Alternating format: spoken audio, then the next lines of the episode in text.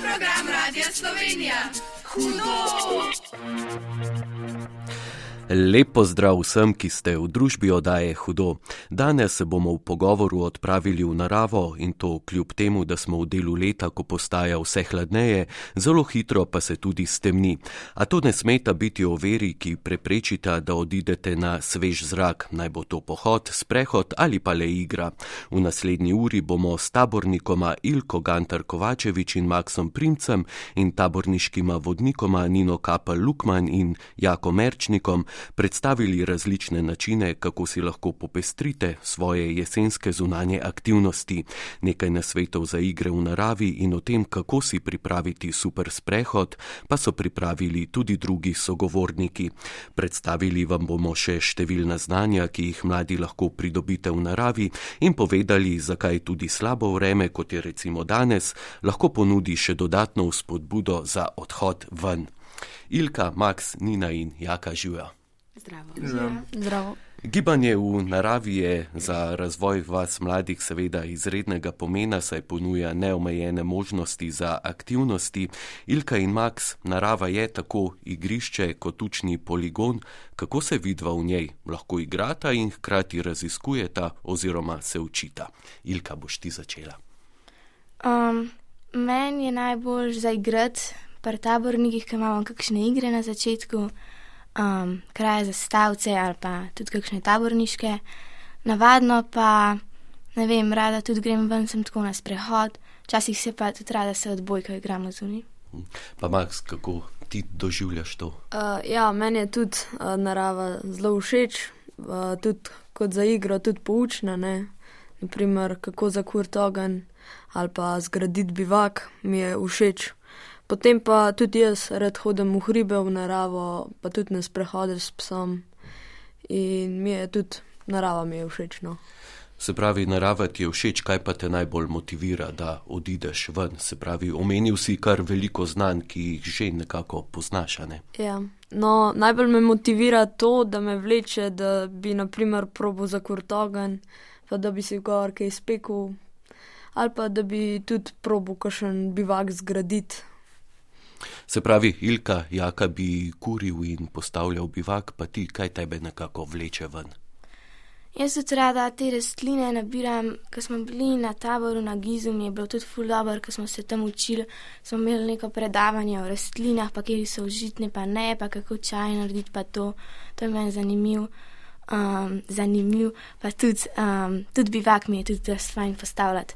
Ja, in danes bosta nekoliko pozneje še povedala, kako se te stvari a, naredi. Zdaj le najprej povejta, iz katerega rodu prihajata. Uh, ja, prihajava iz rodu RLA, rod Luisa Adamiča, Grosuplja. Uh -huh. In kako veščine, ki sta jih pridobila znotraj izobraževanj v svojem rodu, preneseta tudi na odhode v naravo, recimo, ko se na pot odpravita starši?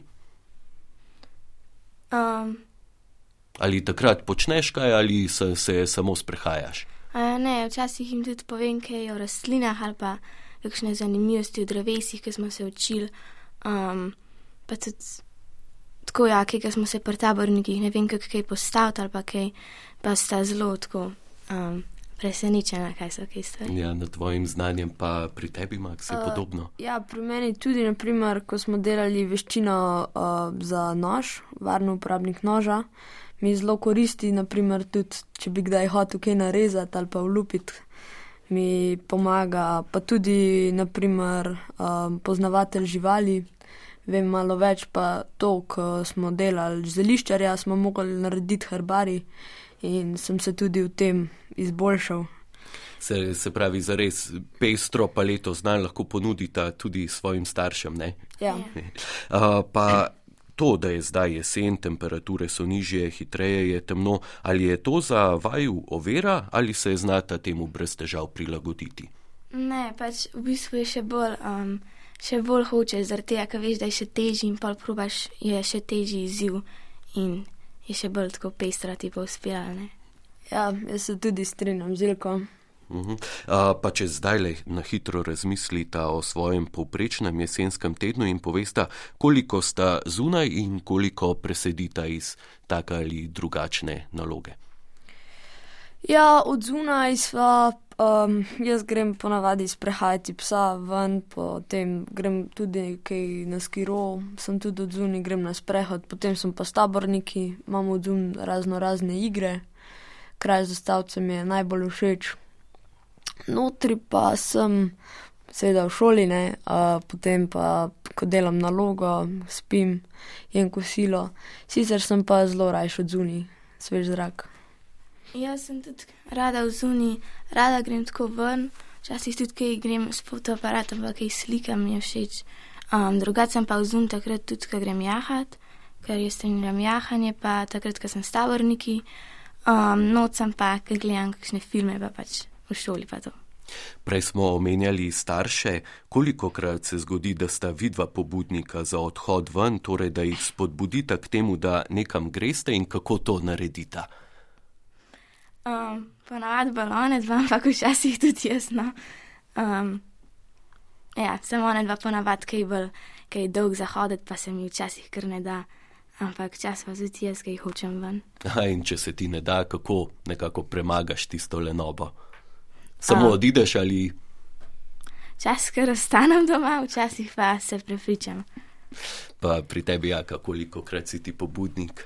Oziroma, jaka, Max, se upravičujem. Uh, ja, jaz pa kar veliko krat, no, sicer pa jaz največkrat, uh, če gremo na kolone, to imam jaz najraje. Uh, ja, sicer pa rad sprehajam psa, pa tudi v hribe veliko hodimo, tako da smo veliko v naravi.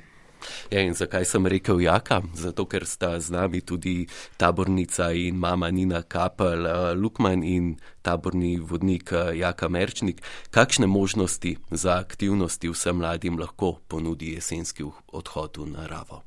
Nina. Kar veliko. No, se mi zdi, da starši imamo doskrat en predsodek pred temo pa mrazom, čež bo naše otroke zeblo, pa tema je. Ampak to mislim, da ne more biti zgovor, no, zaradi tega, ker zelo hitro lahko najdemo neke protiargumente in pa rešitve. Zdaj, če je hladno, se bomo oblekli, taborniki pravimo, da ni slabega vremena, je samo slaba oprema. Um, kar se pa tam je tiče, pa se mi zdi um, jeseni, po zimi, lahko to je ena dodatna motivacija, ker ni lepš ga iti ven z neko lučko na glavi, recimo, iskati kakšne stvari um, ali pa sedati te kresničke ne, na, na dele telesa, na obleko in se potem drug drugega mal svetimo. Uh, in se mi zdi, da um, to, da te malo prepiha glavo, ne, pa da lahko neke take dodatne stvari upelješ v neke sprehode, um, je, je zelo dobrodošlo. No? In uh, potem mogoče tudi enostavne in starši in otroci te jesenske sprehode jemljamo. Jaka. O, jaz bi se zelo strinjal z uh, Nino. Uh, v bistvu pač uh, nekako, kot tudi rečemo, naprimer, um, da ima noč svojo moč, uh, po zimi in pa je pač jeseni pride pač ta noč prej, zato neki pohodi ja, z lučkami, baklami, nočne orientacije ali pa kaj tazga pridejo pač hitreje v dnevu in ne rabimo ob sredi noči pač hoditi. Uh, poleg tega, naprimer, um, igre, kot ste jih že omenjala, um, Ilka in pa Max, torej kraj zastavc, potem imamo pač tudi druge, kot so upihovanje sveče in take, se večinoma pač odvijajo v temi. In ker nam pač jesen to ponuja, lahko to pač delamo že pozno popovdne in zvečer, ne rabimo čakati do noči, um, oziroma do pač um, zelo poznih ur. Um, Tako da, ja, pač, tudi jesen se da, seveda, pač, ko je bolj mokro, je pač malo bolj neprijetno, ampak um, če se dobro oblečemo, je lahko tudi to pač, samo po sebi avantura. Kako vidva kot odrasla, ki spremljata mlade na različnih nivojih, vidita razlike med dejavnostmi deklet in fantov? Verjetno se te razlike pojavljajo predvsem pri mlajših, pozneje pa se zabrišajo. Gotovo razlike so. Um, moram sicer reči, da pri tabornikih nekih velikih uh, razlik med tem ne vidimo, ker vse naše aktivnosti, ki so, so namenjene tako fantom kot dekletom. Mogoče se pri fantih bolj izraža neko zanimanje, kot je prej rekel, uh, za nože, naprimer, ne, kakšno varno uporabo, da kaj naredijo med tem, ko za punce zelišča.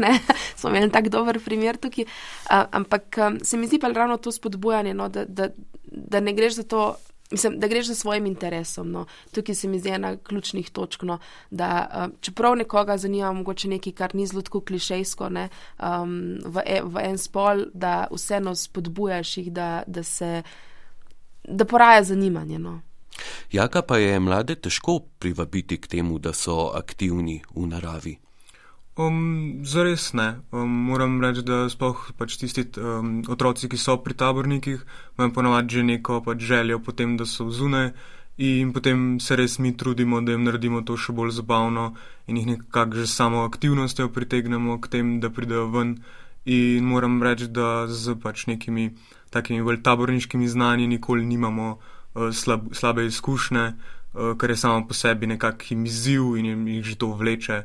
To, da so pa v naravi, pa nekako um, na taborih in takih stvari pač nimajo izbire in jim je zato že eno z drugim um, nekako živijo v naravi. Ilka in Max, kaj za vaju pomeni to, da sta s časom, seveda tudi s taborniki, pridobila občutek za naravo, to, da se v njej znajdeta? Um, pač. Prej, prej sem jaz hodila, nisem lih hotla ven pa to, zdaj mi pa prav fajn iti ven pa vse, fajn mi je tudi biti zun na zraku pa to, pa tudi ful veliko več znam, pr, ker pri tabornikih ful um, se zabavaš, pa sploh ne ugotoviš, da se zraven še ful drugega naučiš, a ne. Max. Ja, jaz najprej sem šel na tabornike, ker je šel tudi moj bratec, ampak pol sem ugotovil, da je meni tudi zelo všeč. Zdaj, prej mi je bilo se, v, mislim, uma, pač nisem mi bilo všeč umazati, zdaj pa, ker sem na tabornikih, mi je pa to prav fajn hoditi od zun v naravo, v gost z nožem, ki je izdelati za kurt ogen. Nina, kako pri mladih starših, ki nas poslušajo, po tvojem mnenju lahko nekako spodbudijo zaznavanje narave, to, da se v njej dobro počutijo, najprej nekako se morajo verjetno otroci umiriti in začutiti okolico. Absolutno. Zdaj, jaz mislim, da prvi korak je najtežje narediti, da, da otrok gre v naravo. Vseeno, otroci, ki so danes, eh, recimo, mlajši in, in so obdani z ogromno enimi um, stvarmi, ogromno enih stvari se dogaja. In ko ti prideš v naravo, ni to dražljajev. In na prvo žogo se otrokom zdi, da je narava dolg čas. In taborniki, kot so vsi trije lepo povedali, ne, pokažejo, da veliko stvari lahko počneš. In zakaj? Ker Jaka prej rekel, ne, da so zelo stvari zanimive, ker so drugačne, ker pri tabornikih počnemo stvari, ki jih ponavadi doma niso imeli priložnosti sploh slišati za njih. To je prvi korak. Ne? Se pravi, da otroci vidijo, da narava je v bistvu zakon. Ne? Drugi korak je ta, da starši moramo v tem primeru narediti neko, neko, nek prvi korak, neko spodbudo. Ne? Če otrok noče hoditi na sprehode, recimo moj otrok je tak, ne? on na sprehode ni želel hoditi, ker mu je bilo dolgočasno. Se pravi, da otroku pokažeš, da ni sprehod ali pa narava dolgočasna in pripraviš neke aktivnosti, neke majhne bombončke, take, ki jih lahko otrok počne. Ali so to kakšni majhni lovi na zaklad, ali to mogoče gremo zvečer z lučko pa iskati, ne vem, živalice. Ne? Ogromno njih ideje. To je ta drugi korak, da otroka mogoče pripraviš na to, da ugotovi, ne, da, da je narava v bistvu res, res fina. In potem samo hoditi ven no, in, in se ne bati, se mi zdi, uh, tega, da, da te bo prezeblo, da je tema, da je nevarno, ne, nevarnost je vse okoli nas. In se mi zdi, da včasih moramo starši ta, ta uh, miselnost spremeniti, no, uh, da je pomembno. Druga stvar je pa še ta, da ni narava, samo da greš ti na sprehod. Se mi zdi, da okay, tukaj smo taborniki, pa tukaj malo drugače jemljamo, ampak doskrat, ja, če hočemo ven, moramo iti na sprehod. Ne, ni nujno, da gremo ven na sprehod. Lahko gremo kje počet ven, lahko gremo kuhati si zunaj, ne vem, zakaj pa si ne bi spekli neki, recimo, večerje skupaj. Um, kolo, roleri, skiro niso rezervirani samo za poletne in tople mesece. Če ni zelo, vroč, zelo mokro, še vedno si lahko ne, na kolesu. Tako da se mi zdi, da mm, moramo samo mal drugače gledati na to, no, da lahko potem otroke spodbudimo na ta način. In kaj vse za vas pomeni stik z naravo in kakšne nasvete imate za odhod v bližnji gost, ter kako si lahko tisti, ki nas poslušajo, svoje poti popestrijo, boste povedali po glasbi.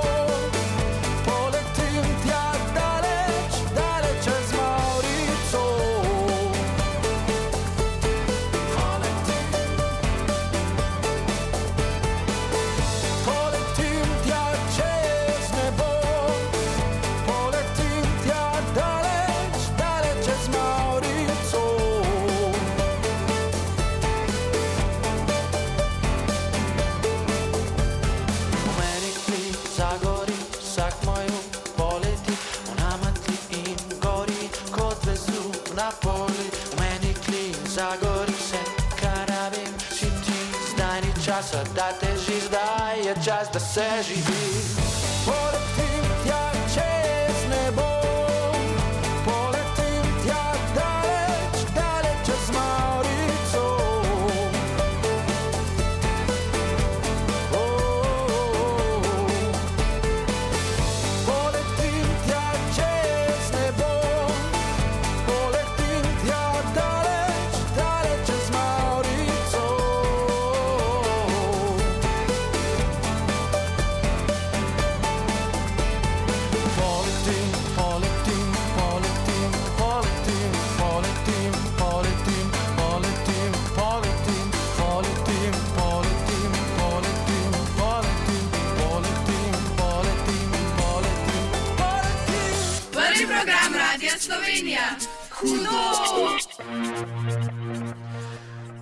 Oddaji Hudo danes taborniki iščemo najrazličnejše načine, kako ste lahko v naravi aktivni, tudi v tem delu leta, ko so temperature nižje in je hitro tema. Na telefonski številki ničena 4752222 pa pričakujemo tudi klice vas, poslušalk in poslušalcev, da nam poveste nekaj svojih idej. Tokrat k klicem poleg mladih izjemoma vabimo tudi starše, stare starše oziroma vse tiste, ki otroke vodite v naravo. Pokličite nas in nam povejte svoje izkušnje, kako poskrbite, da je odhod na zrak čim bolj pester tudi v jesenskem in zimskem času, ki se nam še bliža. Ilka in Max, kakšni pa so vajni na sveti, ki sta jih pridobila kot tabornika in kot otroka med igro? Kaj vse lahko mladi počnejo v naravi, da bo odhod tja oziroma na sprehod čim bolj zabaven? Pač se ene sem že povedala, ampak drugače pa jaz rada tudi kaj iz naravnih materijalov tam ustvarjam. Naprimer, naredim kakšne te mandale na tleh iz rož, pa palc, to mi je fulaver delati. Um, jaz tudi rada objevam drevesa, ne vem, všeč mi je. Um, pa tudi tako, ne vem, kaj ustvarjaš iz narave, ne vem, drugače pa. Ja, o objemanju dreves recimo smo na našem programu že govorili. Kaj tebi to pomeni, kaj takrat začutiš? Ne vem, meni se, je- se zdi, da mi da energijo, nekako, ne vem, boljše počutje. Um, tako da mi je full fajn to. Taka povezava z naravo torej. Ja. Pa pri tebi, Max? Ja, meni je pa v bistvu v naravi tudi zelo všeč, naprimer, imeti kakšen piknik, je zelo lepo, kolesariti, pa tudi igre, kakšne skrivalnice, lovljenje. Je pa sicer tudi ena mojih najljubših, da probam v naravi poiskati kakšno užitno stvar in jo potem tudi pripraviti samo v naravi. Nina in Jaka, tudi vidva imata kot tabornika z nekoliko daljšim stažem kot Ilka in Max, zagotovo precej idej, kaj se da početi. Jaka, prav vi ste recimo med glasbo govorili tudi o tem, da se nekatere stvari da početi tudi, ko dežuje in smo v stanovanju. Um, ja, torej, um, ali dežuje, kot da gremo ven in pač zmeraj dežuje. Aha, In pa, in pa da smo v stanovanju, da se prenese kakšna aktivnost tudi v zaprt prostor. Aha, ok. Ja, torej pač, ko dežuje in ali pa ko je tema, ne, pač, kot sem že prej rekel, je nekako to lahko samo po sebi že neka avantura. Naprimer, če se spomnimo tega, da smo skakali po lužah, ko smo bili manjši. Um, tako da pač res, če je dobra, um, pač dobra ob, obleka in obutev, uh, sploh pa pač neka možnost toplega tuša, potem, ko nas mogoče prezebe, um, ni zares pač ovir z tega, da bi nas malo zeblo ali pa da bi se zmočili. Um, zdaj pa noter pa lahko pač prenesemo, naprimer, to, kar je Ilka ful dobro omenila, ustvarjanje. Uh, lahko si naberemo materijale v gozdu, neke storže, zdaj le jeseni so zelo lepi listi. Um, in potem pač tudi doma iz, ustvarjamo iz tega, iz naravnih materijalov, pridejo zelo lepe umetnine. Nina, bi še kaj dodala? Ja, um, recimo, kakšni eksperimenti so lahko zelo zanimiva um, stvar ali s kakšnimi barvili, zdaj, ko so različne barve listi, mogoče kaj ustvarimo noter. Um, recimo, vem, da uh, moj otrok ima zelo rad, da zamrznemo uh, v let neke, um, neke igračke in potem jih zunaj on lahko ne, tepe oziroma let lomi.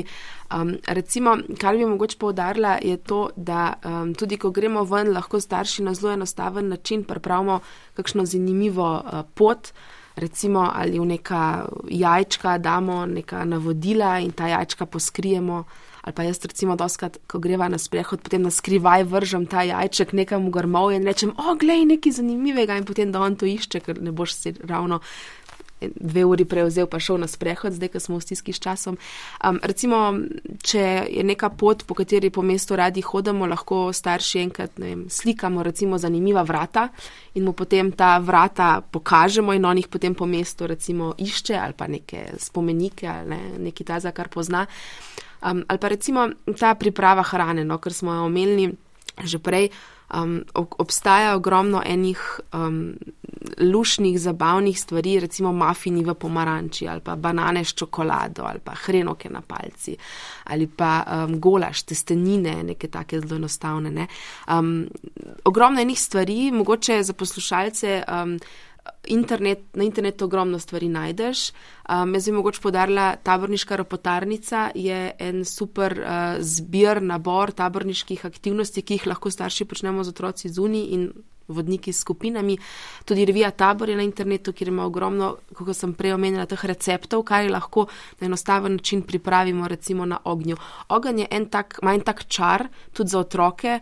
Um, čim zakuraš ogen, so zraven in zelo radi ustvarjajo. No, bosta povedala tudi um, uh, tabornika tukaj, ampak uh, zelo hitro jih pritegneš. In to je spet to, kar sem prej omenila. Ne rabimo iti na sprehod lahko gremo samo ven in nekaj so ustvarimo. Pa še eno stvar se mi zdi pomembno povdariti, nič ni narobe, da gremo v gost in smo tam, neka prosta igra. Um, dan danes je ta tendenca, da mora biti vse organizirano, moramo ogromno aktivnosti dati, ni nujno. Lahko gremo ven, poiščemo nek zanimiv prostor in damo otroku možnost, da so ustvarja. A ne bo to grad ali ne bo to hiša za škrate, ki se bodo preselili k nam, ali pa ne, in, in smo tam ga opazujemo in to, to ta sugestija, če on reče, da pomagaj mi ne rečemo, ne moramo, tu se ne da, ampak dajmo narediti ne so ustvarjati z naravnih materijalov.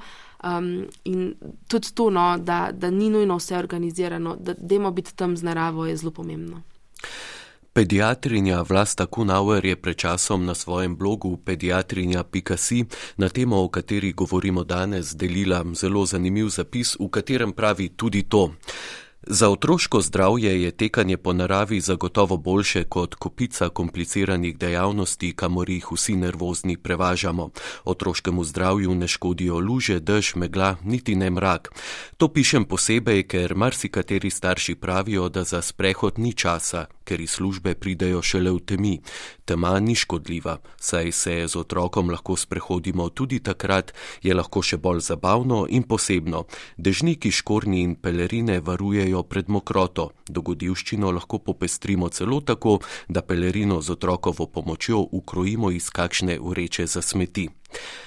Ilka in Max, kakšna izkušnja je za vaju to, če odideta v, ven v slabem vremenu ali v temi? Sta mrazi in dež strašna ali je zaradi tega ta izkušnja in te slabi pogoji, ki prežijo za, na vas vse še malo bolj zanimivo? Ja, meni se zdi to še posebej najbolje zaradi tega, ker ko pada dež, je še bolj mokro, meni se zdi še bolj zabavno naprimer um, v temi se loviti ali igrati skrivalnice. Ja, mi je tudi zelo všeč, in pa meni se zdi, da se otrokom tega ne bi treba bilo bati, ker je res zakon. Mm, meni je tudi zelo fajn, jaz grem z mojim um, očem tudi furada po noči čez gost. Um, pač ja, mene je imel strah, ampak to je lih uh, najboljš, pa je še bolj zanimiv, kaj te je strah pa še hitrejš, pač, ne vem, še, bolj, še boljša izkušnja je. Drugače pa tudi furada po lužah skačem, pa vse, pač to ni nič strašnega, se se pa umiješ, pa vse. Torej, zaradi teme in mraza se vam ni še nič zgodilo, ne? Ne, ne.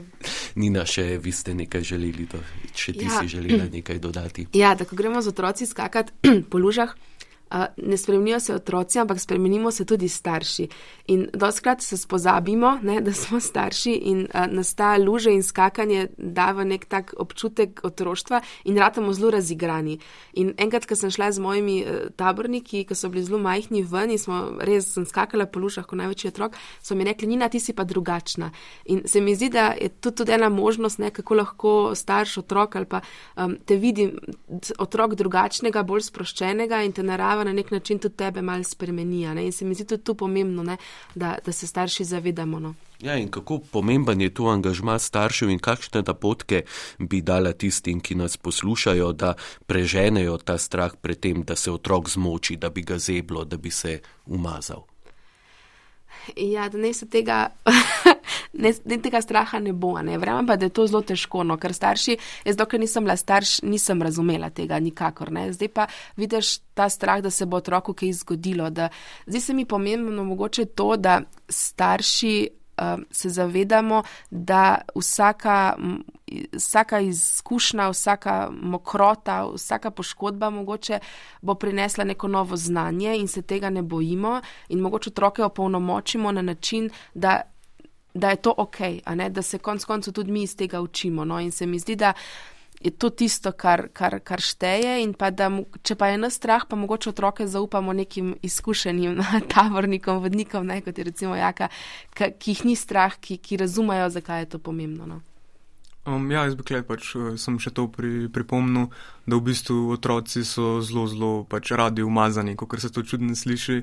Um, pač na taboru je res to poleti, ko je pač malo bolj toplo. Eh, prakticiramo, da v bistvu se pač praktično valajo, te tečejo vse po blatu um, in imajo res pač možnost biti od glave do peta pač umazani. Um, in zdaj ja, zelo mehkemu procentu pač otrok to ni pač pogodu, ampak zelo veliko tudi tisti, ki se pritožujejo pred tem, da bojo pač umazani, je to nekak neka podzavest tega, ki so bili vzgojeni, o ne, da se ne boš umazal in to, ko pa enkrat vidijo, da lahko zabredejo v blato, so pa glih tisti, uh, ki so prej pritoževali, oni najbolj um, veseli in najbolj pač um, uživajo v tem, da pač lahko so umazani, ker šlauf vse reši in naslednji dan smo vsi čisti. No in to velja prav za vse poti, tudi ko odidemo na sprehod.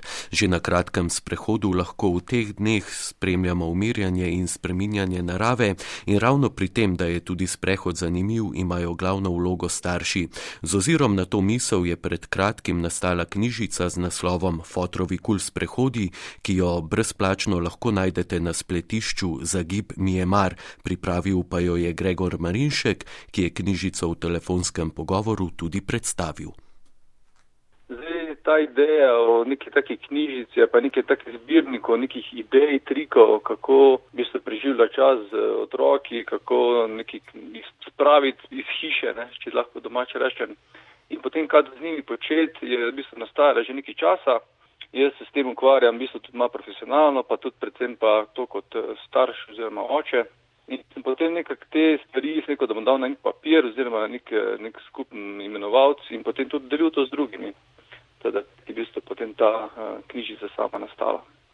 Zakaj pa ste se pravzaprav osredotočili na to, da boste približali sprehode in ne recimo pohodov ali pa planinskih tur? Morda tu kot istočnica lahko služi vaša misel o tem, kako pomemben je stik med otroki in starši.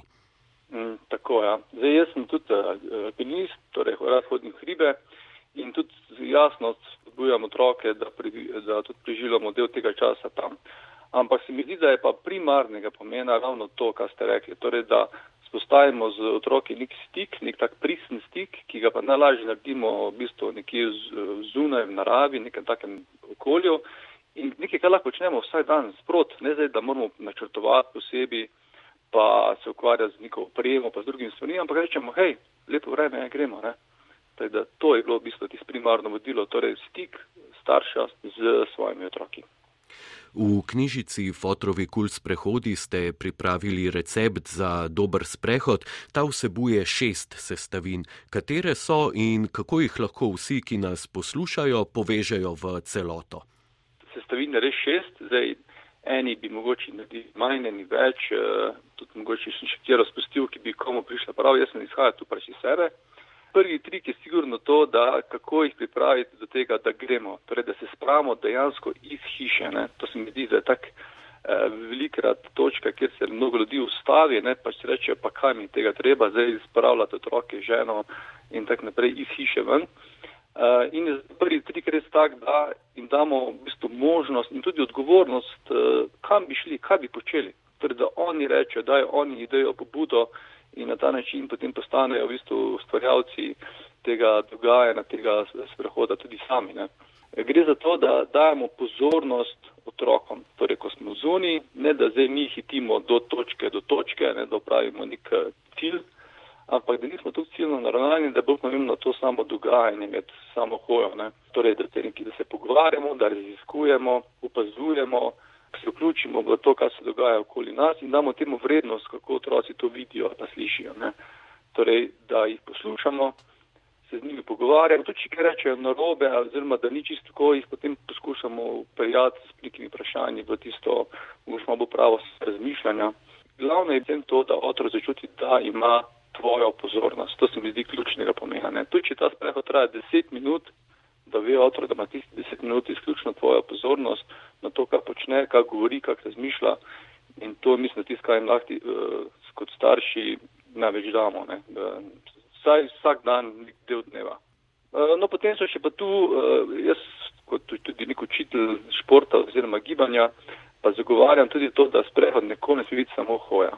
Torej, mora biti gibanje v takem širokem smislu besede, pomeni, da je to ali hoja hrib, da se vključijo v mest naravna gibanja, uh, torej, da ni hoja, ker hoja otroci, to vemo vsi, sovražijo, ker se mi zdi dolgočasna in tudi prav imajo. Za nje je res dolgočasna, sploh hoja poravnena.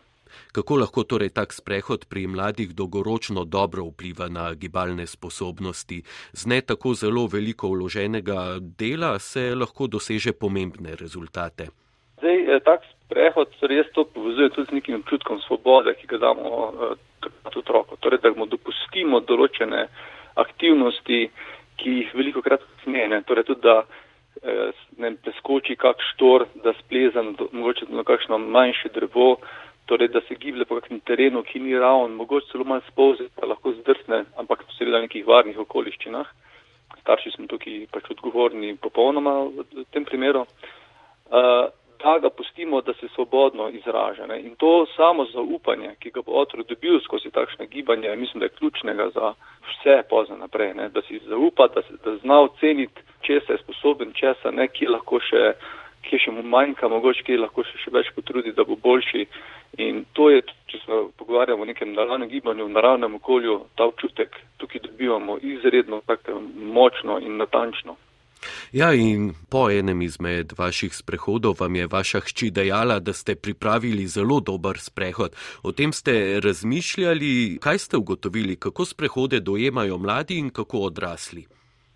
Ja, to je bilo tisto ključno, da sem začel razmišljati o tem, da bi pripravil takšno knjižico, ker je sem dobil neko povratno informacijo od otroka, od otrok ker je jasno, da starši odrasli dojemamo čisto drugače sprehod kot otroci. Ne? In to, ko sem razmišljal o tem, kaj je bila ta razlika, in potem sem skozi to knjižico skušal predstaviti ta sprehod skozi oči otrok, oziroma kaj je tisto, kaj ni pomembno, ker, kot sem rekel, namenjena je staršem za otroke. Torej, da bodo na ta način vzpostavili ta stik, ki ga pač oboje potrebujemo. In pa morda tu čisto konkreten nasvet, kako se lahko starši nekako najbolj učinkovito v glavah preselijo v dojemanje o naravi, ki ga imajo mladi. Marsikdaj jo mladi znajo doživljati mnogo bolj doživeto, v njej vidijo veliko več možnosti. Ja, tako je. Ja. Zdaj, kot tudi učitelj pač, športa in tudi učenja na prostor, vidim, da so otroci v bistvu še vedno znaki. Ne. V tem kontekstu, da še vedno imajo željo po gibanju, raziskovanju, tudi potem, da so samostojni, da se tudi znajo učiti na napakah. Ne, to še oni imajo v sebi. Ne, mi starši smo, pa odrasli smo že bolj tako ciljno naravnani, ne si ne vzajemo časa za neko rekel, ne, ne ciljno raziskovanje oziroma učenje.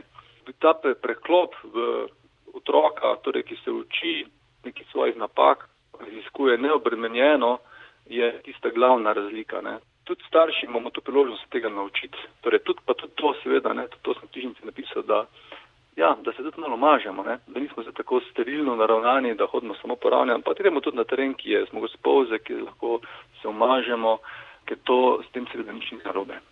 Vaša knjižica, kljub naslovu Fotrovi kul sprehodi, ni namenjena le očetom, ampak vsem staršem, starim staršem oziroma tistim, ki se z otroki odpravijo v naravo. Povejte za konec najnega pogovora, kje jo lahko najdejo tisti, ki bi jih zanimala. Uh, ja, knjižico najdete na mojem spletišču oziroma na Facebook strani za Gip Mjemar. Uh, in kot ste rekli, ja, knjižica je namenjena ne samo očetom, jaz sem jo predstavil iz, z mojega pogleda, pač kot moškega, kot očeta v družini, namenjena pa dejansko vsem, tako ste rekli, staršem, starim staršem. In jaz upam, da bo dosegla čim več ljudi, pa tudi vesel sem vsakega odziva na njo, ne, ker veliko lepih odzivov sem dobil, tako tudi kakšnih novih idej, da, da mogoče se, se pojavi na više kakšna nova knjižica na to ali pa podobno temo. Prvi program Radia Slovenija. Hudo! Tako Gregor Marinšek pravi o svoji knjižici Fotrovi kul sprehodi, predstavil je tudi svojih šest sestavin za dober sprehod.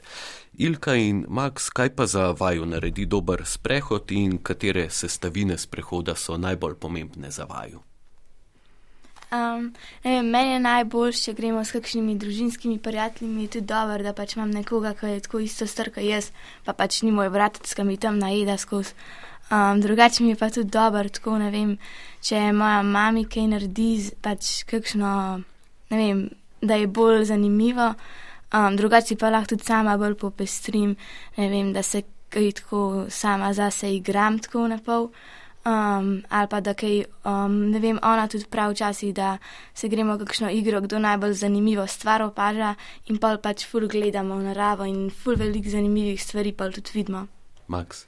Uh, ja, meni pa zelo všeč, naprimer, če bi šli, pa da moja mama kaj izpeče, je dobro za pojest. Tudi z Ilko se strinjam, da je dobro imeti še kakšnega prijatelja zraven za družbo. Um, mi je pa tudi najboljš iti na sprehod, ker sem na svežem zraku in meni noter mi je tako zatohlo in grem zelo rad ven. Sploh pa po sprehodu, če grem pod to potuš, mi je pa najboljš. Ja. Uh, no, imamo pa tudi telefonski klic. Lep pozdrav želim, kdo je z nami? Dober dan, štajerski klic, jaz sem bila pri telefonu. Jaz bi se pridružila, vam sem čakala, da pridem na vrsto in bi uh, prosila vse mlade starše, da bodo pozorni na svoje otroke, ki so rojeni po uh, 1995. letu. Kajti, to so diamantni otroci in je se treba od njih učiti. Naj jim ne usiljujejo strahu, ker ti otroci se ničesa ne bojijo. Otroci sicer se ničesa ne bojijo, ker otrok se ne rodi s strahom, ampak mu uh, vzgojitelji ali pa odrasli usilijo strah. To je najhujše, kar lahko otroka uniči, uniči ga sploh, nasploh psiho njegov. Jaz vsem preporočam, ne strašite otrok, ker otrok ne pozna strahu. Uh, sta, uh, odrasli ga uh, ustrahujejo. Pa Ne morda, tega- če vas prekinem, uh, danes iščemo na svete, kako uh, najti pot do tega, da strahu ne bo. Imate morda kakšen nasvet za to? Za... Ja, poslušajte, ravno to hočem vam povedati. Uh, otrok, ko se rodi, ne pozna strahu, ne pozna, starši ga ustrahujejo. Vzgojitelji ga ustrahujejo, ne tega delati otroku. Sploh pa te današnje otroke, jaz imenujem diamantni otroci. Diamanti in so res, in jaz trdim, da ti otroci po 95. letu, ki se rojevajo, prihajajo z drugih planetov. Zakaj prihajajo z drugih planetov? Da upozorijo uh, odrasle na temu našemu planetu, da napake delajo. Ne delajte tega, učite se od teh diamantnih otrok. In zakaj te otroke? Poglejte, osnovno šolo so uvedli 9 let. Te otroci diamantni ne potrebujejo 9 let osnovne šole. Kradejo jim delovna leta. No, v to se ne bomo zdaj Samo spuščali. nekaj, samo malo, poslušajte me do konca. Ne ustrahujte otrok, učite se, jaz vsem staršem svetujem, vsem mladim staršem, sploh pa intelektualcem, preporočam, da otroke ne strašijo. Ne strašite otrok, ker jih zafrustruirajo. In potem otrok celo življenje živi v strahu. Zakaj? In to se dela z generacije na generacijo. Ne otroka strašite, ampak otroka v zibelki.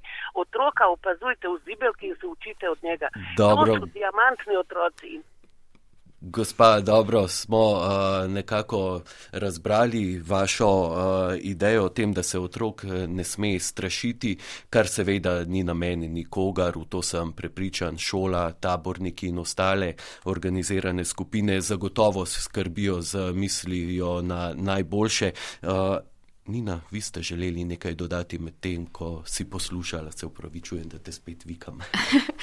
Ja, um, Ja, ne, ne strahu, pa vzor. Uh, starši moramo predvsem biti dober vzor. Če bomo mi hodili ven, če bomo mi radi imeli naravo in sprehode, bodo to povzeli in ponotranili tudi naši otroci. Ne? In če se mi odpravimo ven in damo to neko rutino družinsko, je to tisto, kar bodo otroci potem od tega odnesli. Ilka in Max, prej v posnetku smo tudi slišali misel o tem, kako zelo je pomembno to, da mladi ob odhodu v naravo čutite povezano s starši. Kako jo vidva začutite in kaj vam takrat pomeni, ko ste skupaj nekje na terenu? Uh, ja, meni je zelo fajn, ker je to v bistvu nek trenutek, ko smo z družino res najbolj povezani, če, ne, če smo sami. Uh, je kar fajn, ker uh, na poti na nek hrib ali pa na poti med prehodom se pogovarjamo, je zelo lepo, se družimo, uh, kdaj se tudi kaj poigramo. Um, pa meni je to zelo všeč. Ja, jaz se tudi strinjam z Maxom.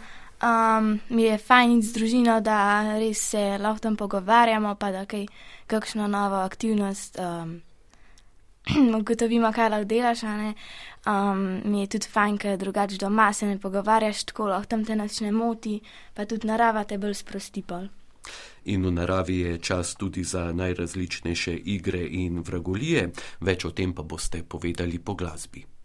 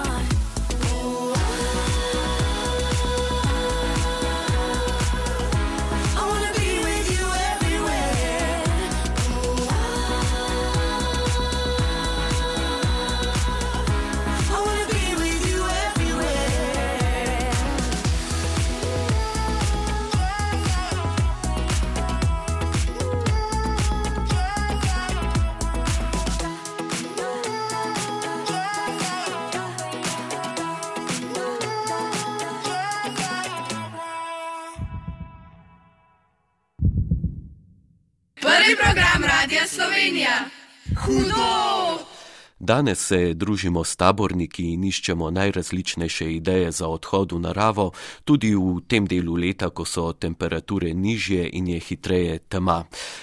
Igre v naravi sem omenil pred glasbo. Taborniki imate na zalogi verjetno veliko takih, ki jih izvajate zunaj in bi lahko bile zanimive tudi za naše poslušalke in poslušalce. Ilka in Max, katere so vajne najljubše, ki se jih lahko izvaja tudi zdaj? Pač če še malo povesta pravila. Uh, ja, ok, moja najljubša, kot sem jo že omenil prej, je kraj zastavice, ki pa je v bistvu tako, da sta dve ekipi in da ima vsaka ima, uh, po več zastavic in v bistvu si uh, zmaga tista ekipa, ki nasprotni ukrade vse zastavice. Mm, meni tudi ta igra zelo všeč, pač ja, kraj zastavice, ampak drugače mi so pa tudi, so mi tudi ninja všeč. Pravila ne vem, če bom lahko zdaj tako jasno razložila, ker so malo bolj zapletena, ampak v glavnem pač um, imaš dve roki ali dve nogi in pol, um, ki ti posekajo obe dve, pač si ven. Mhm. Mm, drugače pa to ni dlih igra, sem jaz furada, tudi vozle delam pa to. Ja, to je pa učenje, ne, ki je lahko tudi igra. Uh, prej smo že slišali, da izvajate taborniki tudi najrazličnejše igre v temi. Katere? Uh, ja, ena igra se imenuje Napad na tabor. To pa je v bistvu v temi in, se, in je pač podobno kraj zastavic, uh, enako dve ekipi sta um, pa in po terenu so postavljene zastavice. Le da ima takrat zastavice le ena ekipa, druga ekipa pa napada in če uh, ekipa, ki napada v določenem času, ukrade nasprotni ekipi vse zastavice, uh, zmaga. Ampak je pa uh, posebnost, da je vse v temi in ne moreš videti, kje so zastavice. Ilka, se tudi ti spomniš kakšne? Pač ja, kraj za stavce, pa ta napad na tavor so najbolj taki, ki se meni tudi zelo všeč, ker tečeš, pa se loviš. Um, drugače pa so tudi kakšne tako dejavnosti, ki niso odlih igre. No in na taboru smo imeli tudi um, dosti takih iger, um, ki niso. Um, Veliki igre smo imeli, ki so tudi v navadnem življenju, brez, da niso v temi, ampak smo se jih pač v temi šli, pa so bile tudi bolj zanimive. Pa. Po pestrine se ja. je malo teže takrat vse skupaj, verjetno moraš bolj izostriti čute ali ja. kako je s tem. Liht, moraš bolj se provat zbrati, da vidiš, pa tudi slišiš, sluh ti dobro pomaga. Um, pa ja, se pa se ti pa tudi oči navadijo na temo, pa že boljš vidiš. Vodnik uh, Jaka Merčnik. Temu lahko dodamo še različne pohode v temi, ki jih pri tabornikih izvajate v soju svetilki in bakal. Povejte kaj več o tem. Uh, ja, ena zelo, zelo stalna aktivnost, ki jo prakticiramo vsi taborniki, je orientacija. Zelo radi se tudi uh, tekmujemo med, sabi, med sabo v njej. Um, in v bistvu ena izmed načinov, kako težiti, ko smo enkrat mogoče malo bolj vešči teh veščin, je pač to, da um, se podamo tudi pač v temi. Um, zdaj, z nekimi mlajšimi je lahko to samo sprehod z baklami in bo že sama bakla tako pač atraktivna, da jim bo to zelo všeč. Uh, za starejšimi je pa lahko to izziv, ker morajo pač brez nekega um, zelo daljnega pogleda na druge hribe nekako ugotoviti, kje na zemljevidu se nahajajo in kako prijeti do naslednje točke. Nina, vidim, da si nekaj zapisuješ. Ja, razmišljala sem o tem, kako pa zdaj lahko starši, ki nismo taborniki, niso taborniki, um, to počnejo oziroma ne, vključijo nek vsak dan. Kada skrat mi taborniki razlagamo neke stvari, si rečejo, ah, to je za tabornike, ne, pa to mi ne moramo. Recimo, ena taka je um, Max preomenil um, to pihanje svečke. Ta je taka zelo lušna aktivnost, ko naprimer družina 4-5 članska se razdeli na dva, dva, dva dela ali pa recimo je samo starši in otroci napadalci. Nekje v temi pred blokom naprimer prižgemo eno malo čajno svečko, okoli narišemo recimo nek krok in naloga um, otrok je, da premagajo starša in to svečko pihnejo. Izjemna, izjemna aktivnost, ker bo tudi starša zelo navdušila. Mogoče naredimo dve, dve, skupini, dve, dve skupini družinici, mami pa oči pa ne napadajo. Tako naprej, ali pa recimo, um, kako zdaj v mestu um, ta nočne pohode izvajati. Ena zelo lušna aktivnost je, da recimo z interneta skopiramo zemljevid mesta, ki ga imamo, označimo štiri točke na zemljevidu in z lučkami potem otroci hodijo. Um, kar je zanimivo, da bo otrokom se to zdelo zelo, zelo drugačno kot čez dan, ker noč ima svoje močne in vse drugih stvari bodo opazili, naprimer, um, in, uh, in je taka zelo, zelo lušna aktivnost, mogoče ne vem, na vsaki tej točki damo neko nalogo v smislu, naredi pet počepov ali pa povej mi, kaj ti je bilo danes uh, lepo to je tudi en način, kako lahko mogoče neke elemente poznavanja družine ali pa hvaležnosti tudi upeljemo ne, v neko rutino, da ne vem, na vsaki točki poveš, zakaj si. Recimo pa danes hvaležna ali pa kaj lepega se ti je zgodilo. Se mi zdi, da lahko skozi take uh, prijeme starši zelo dobro se naučimo, začnemo um, poslušati pa slišati potem otroke. No. Ilka in Max, se pravi, govorimo o temi, ker je treba biti malo bolj uh, previden. Kaj pa tako nasplošno, ali se vidva kdaj rada lotita kakšnega malo bolj nevarnega podviga? Katere so tiste vragolije, ki ste jih izvedla s prijatelji, pa bi bilo bolje, da starši takrat ne bi vedeli, kaj počnete? Um, ja, uh, sicer ta ni bila v temi, je pa bila, ko smo bili na stanovanju in smo šli na orientacijo, smo pot zgrešili in smo v bistvu, um, lahko rečem, um, hodili po zelo strmi pečini, hribu in je bilo kar nevarno. No. Sam potem smo šli nazaj gor in smo šli raje okrog. Mm, jaz nimam glih nič kaj tajskega, kar bi bilo fultko, ampak drugače pa tudi jaz, um, ko grem na tabornike, grem pešane, ker moja mama ima pol um, neke opravke in lepo mi peši, grem tudi po temi, in pa pač vzamem kresničko ali pa telefon, pa si svetem. Ja, ampak marsikdaj morate pokazati tudi precej poguma, recimo, ko plezata na drevo ali skačeta čez potok, kako premagata ta strah in kako ponosta, ponosna sta, ko vama v družbi prijateljev uspe dokazati, da nekaj zmoreta. Ja, jaz, uh, ker tež, mislim, vse ga uspem premagati ne vem, rečem si, da bi bo uspela, ne pa, pa pač sem prova, drugače bom pa mokra, pa kaj bo. Um, ja, pa sem pa tudi, ker mi ponovadi mi pa uspe, ne sem pa tudi bolj ponosna, pa se pač bolj hvalim. Ja, ne, mislim, vsi taborniki smo tudi, da se umažemo, se kdaj kaj strgamo in naprimer, če plezamo, je fajn, ti ni, uh, ni hudo, nimaš nobene uvire greš do konca in prideš, pa tudi, ker greš čez potok, si moker, pa kaj pol, se prav oblečeš. Ja, izvukaj mogoče malo dodal ta, ta um, misel, no, da v bistvu, kot ste rekli, da mogoče starši bolje, da niso zraven in ta nek eh, čar, da v bistvu pri tabornikih res staršev ni zraven. Um, je res, da smo vodniki in še zmer pač imamo vse, um, res delamo vse, da bi pač našim otrokom bilo pač v redu in da se ne bi poškodovali ampak že sem zaradi starosti, smo mogoče malo bolj lahko miselni in ne predvidimo vsake um, pač nevarnosti. Zato jim mogoče tudi kdaj kaj več pustimo, ampak vem, da saj iz mojih pač še članskih let, um, pa tudi zdaj, no, ker sem še um, aktiven, um, moram reči, da velikrat pač pri tabornikih nekako dobim um, tisto, mislim, dobimo uh, tisto okolje, kjer lahko pač sami nekako sebe testiramo in nekako tudi po svojmu razumu um, delujemo, ne pa samo, da pač nam nek starš pove, da to je pa nevarno. Pač se boš, ja, lahko tudi kakšna poškodba pride, ampak boš pa saj za naslednji želel. Max in Ilka, zdaj pa bosta prišla na svoj račun, sploh ti Max, na začetku oddaje si omenjal kurjenje ognja. Ga vidva se pravi, znata zakuriti?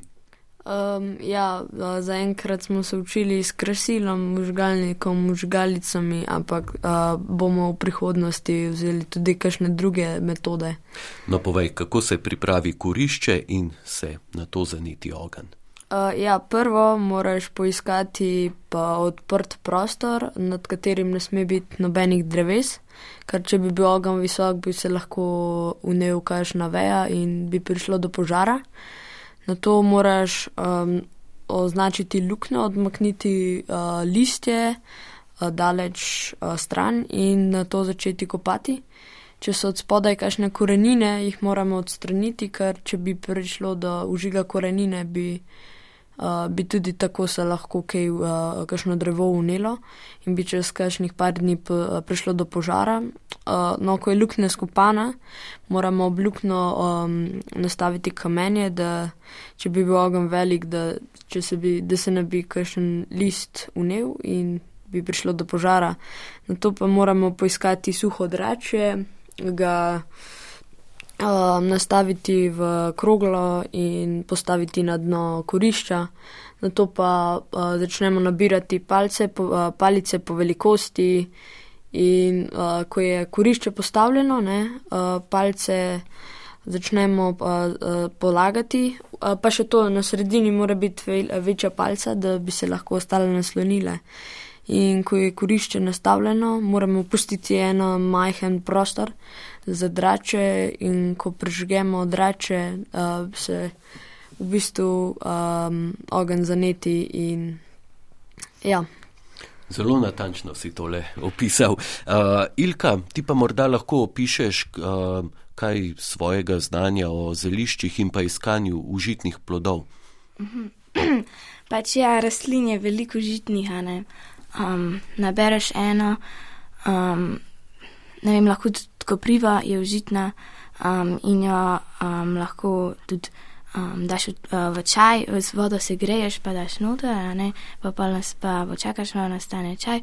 Pa tudi, če um, hočeš narediti vrv iz naravnih materijalov, um, vzameš um, ta mm, dolgo vejo um, in jo tako s kamnom stlačeš, da postane malo bolj mehna, mehka pa je pa tudi ena posebna tehnika, kako vse to skupaj zvežeš in je res trdna vrv nastane, ker sem že probala.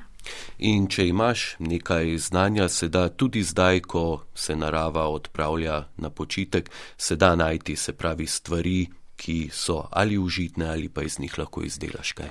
Ja, vse. Tudi smekove vršičke lahko uporabiš. Jaka in Nina, kakšen pa je najbolj učinkovit pristop k učenju vseh teh veščin in ki ga lahko uporabijo tudi starši doma?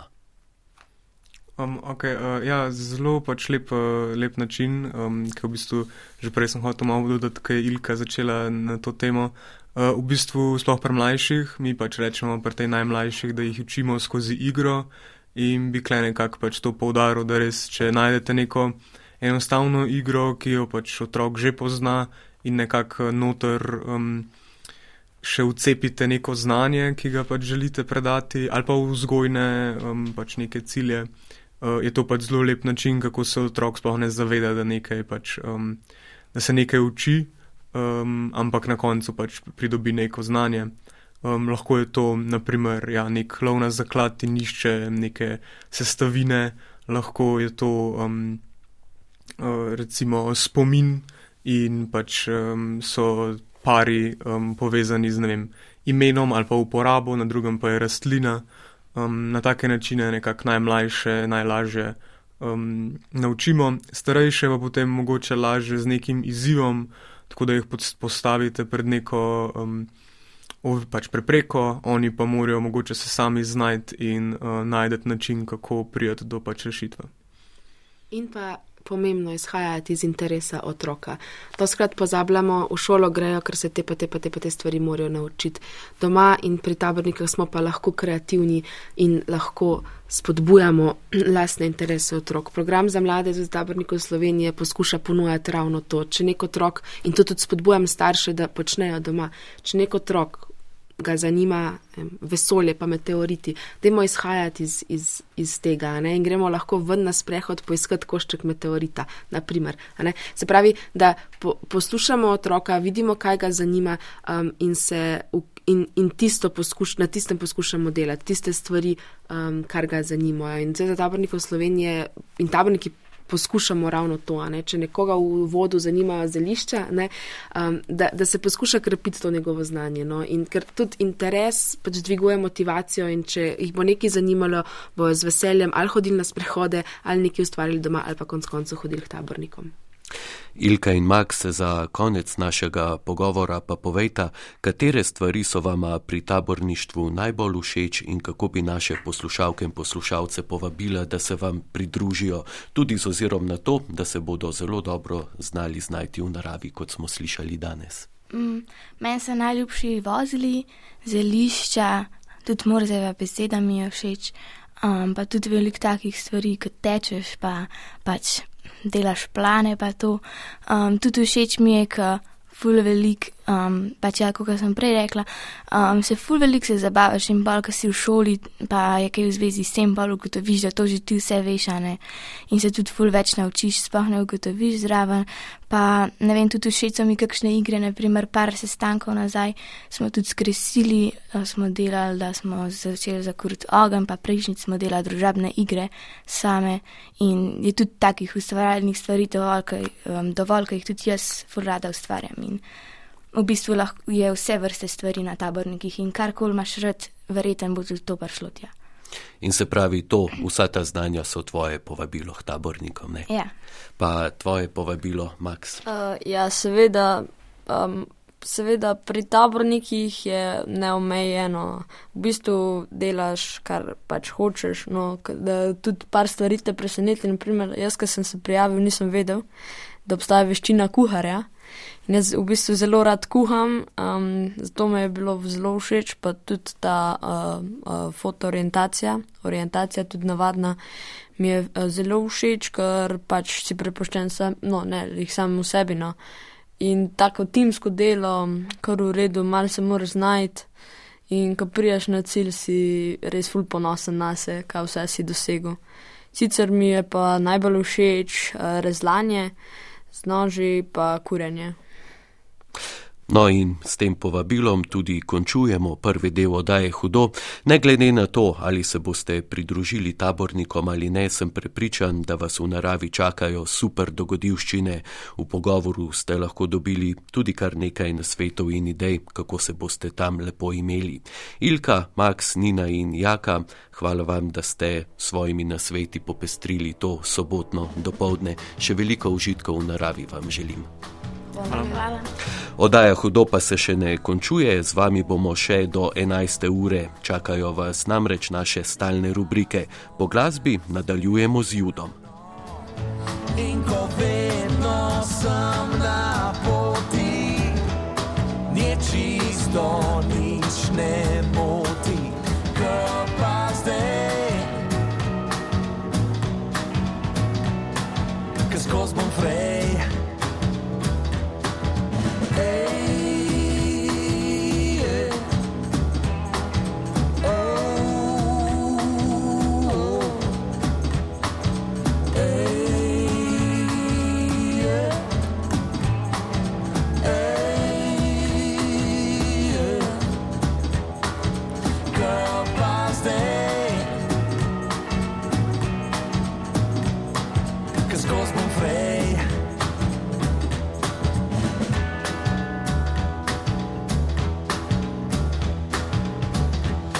Službo zgubil sem mal prej, ne bi reče tebe zdaj.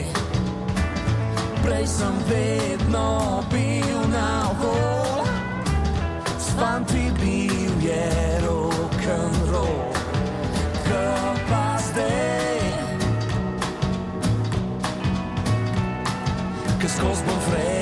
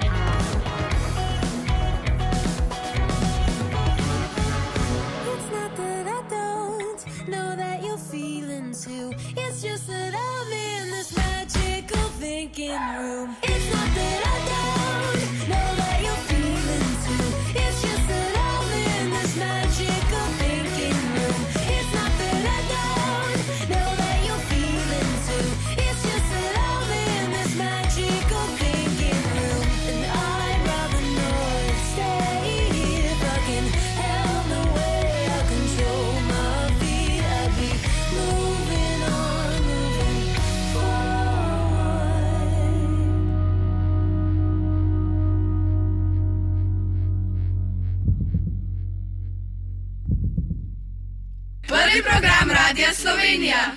Hudo! Zdaj pa odajo nadaljujemo s športom. V rubriki Hudo športni se bomo s trenerjem v judo klubu Bežigrad in mali šoli juda Mirom Biličem in olimpiko Kajo Kajzer še zadnjič odpravili na tatami. Izvedli smo krajši trening, v katerem sva Aleš in Špela tudi v živo izkusila vse stvari, o katerih smo govorili v minulih tednih.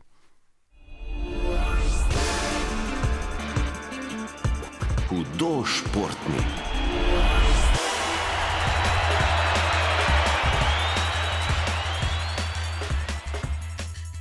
Kaj, zdaj pa, če si za, bi izpeljali en mini, mini judo trening, uh, Alež se je, je prostovoljec, ne? ampak najprej treba najbrž poskrbeti, da je telo ogreto. Ja, seveda, telo mora biti ogreto, drugače lahko kaj poča, pa se zlom. Kaj mora zdaj Alež narediti? Ja, ogret se, razmigati se, ne vem. Kakšna vaja, ki jo vi upravljate pred treningom? Je po mojem čistko, kar povsod, po vseh športih. No. Pač najprej se ogrejemo ali sprevali, ne vem, vrtimo roke, boke, kolena. Recimo za otroke začnemo vedno kakšno igrico uh, v zvezi s tekom, da se ogrejo na začetku, ne? Ker recimo z otroci nimamo tazga ogrevanja, kot imajo oni, ne? to, kar zdaj recimo delata. Z otroci moramo vse skozi igro, ne? moramo poskrbeti, da se dobro ogrejo, isto mora biti ogreti. Ne? Recimo naslednja stvar, ki začnemo, so judopaci.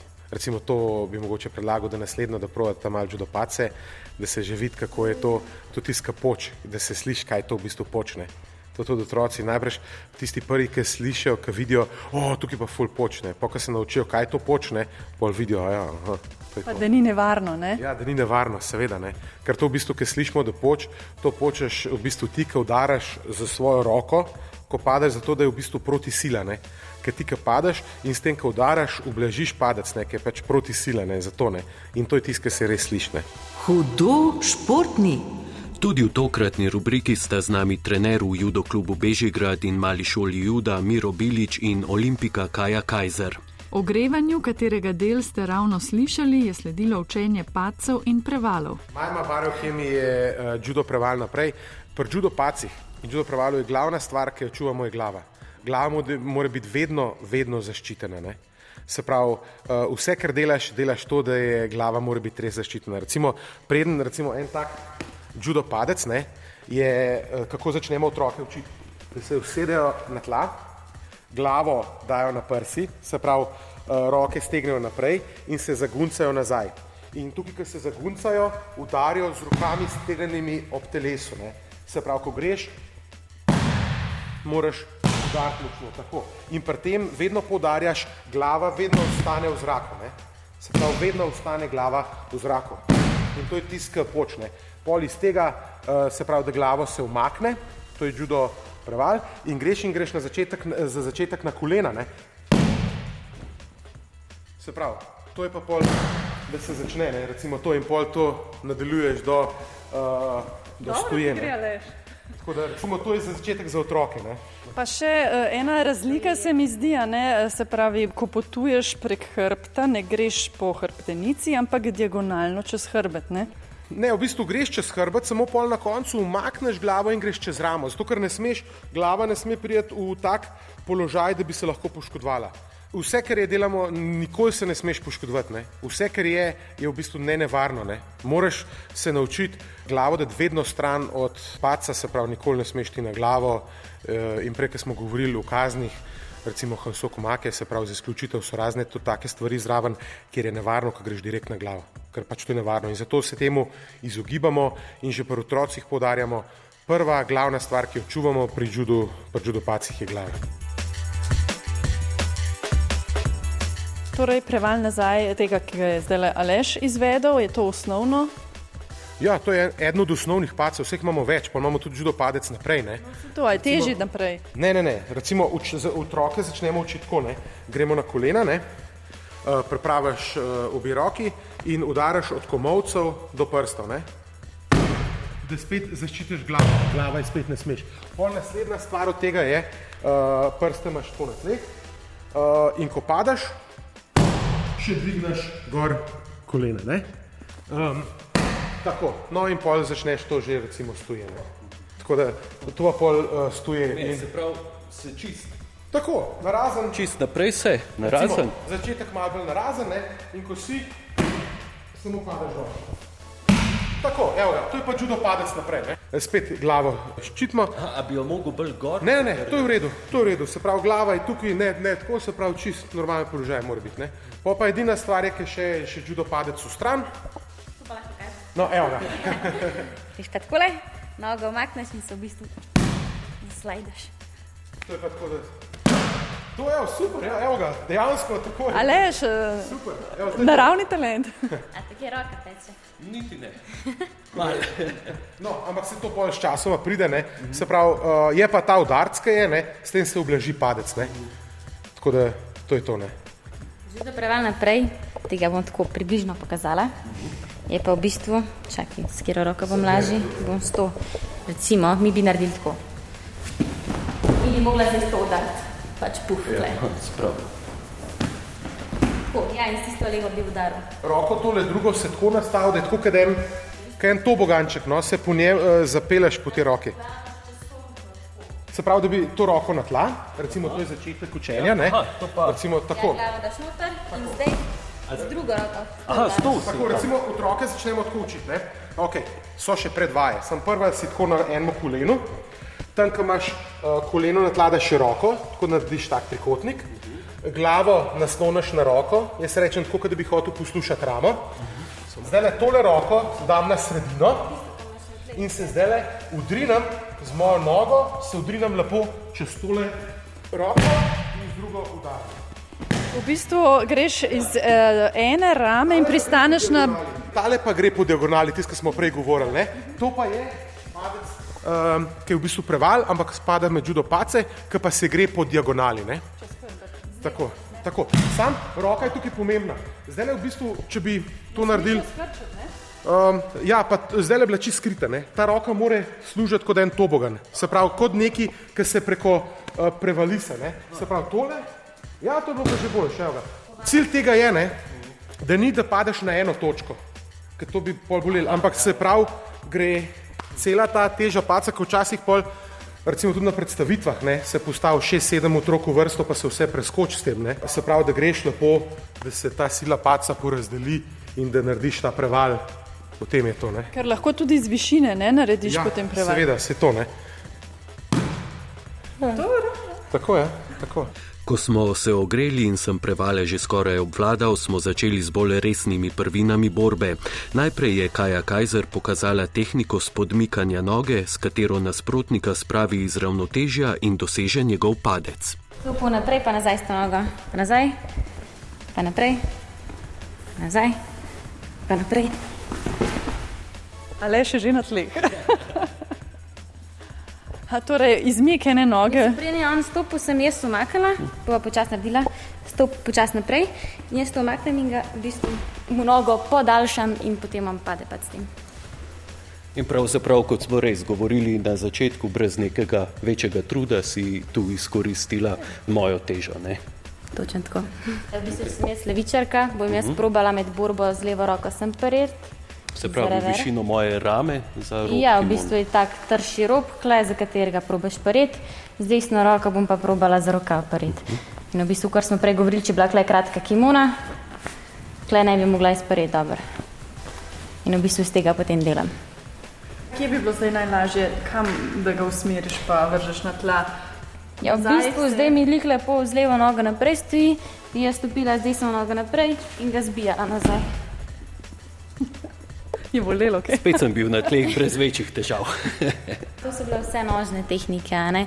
zdaj imamo pa tudi ne vem, telesne, ročne, bočne in tako dalje. S čim si ti imela recimo, največ težav, ali pa katera tehnika je najtežja za usvojitev? Ne vem, sam tekmovalec, recimo jaz imam par tehnik, katere delam, um, z drugimi se ne obremenjujem. Uh, zdaj, da imela skoro prav težave, ne, vsako znam pokazati, zdaj drugače pa v borbi, a ne, da v bistvu.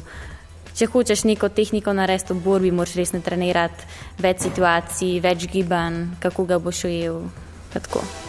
Hudo športni. Da se je Aleš zares preizkusil v judu, dobite dokaze na spletni strani naše rubrike.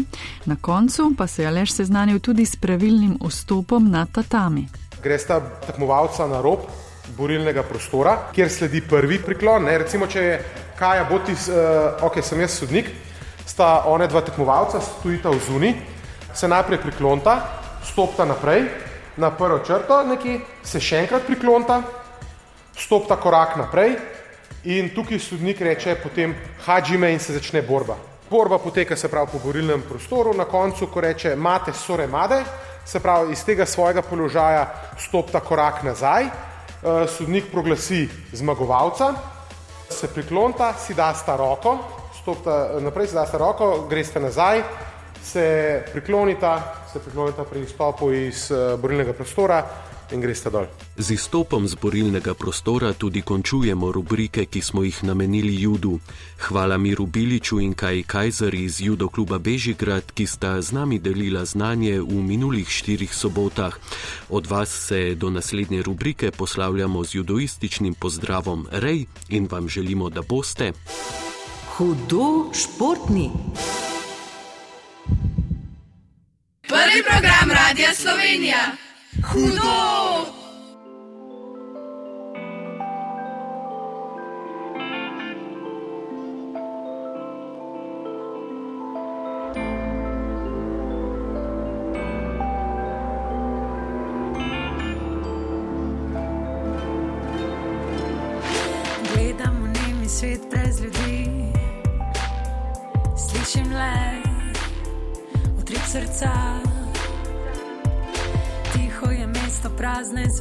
se že spi, tečem stran, daleč stran. Postavljajo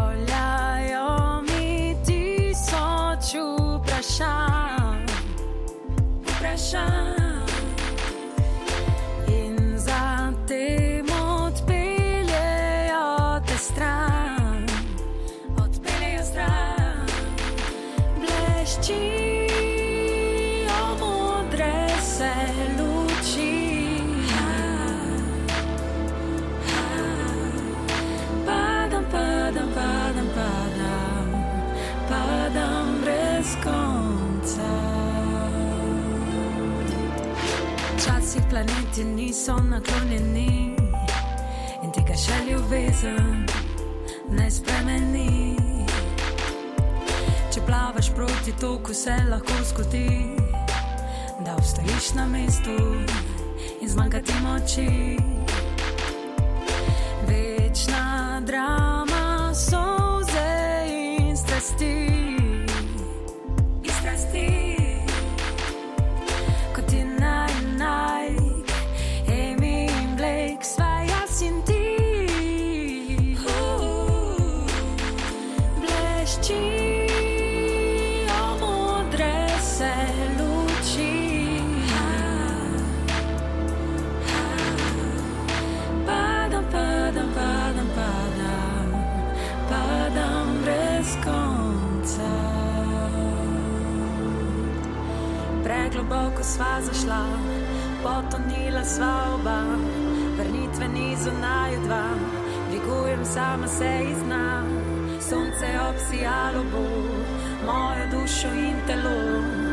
Jutro ti prineslo bo, najno slovo.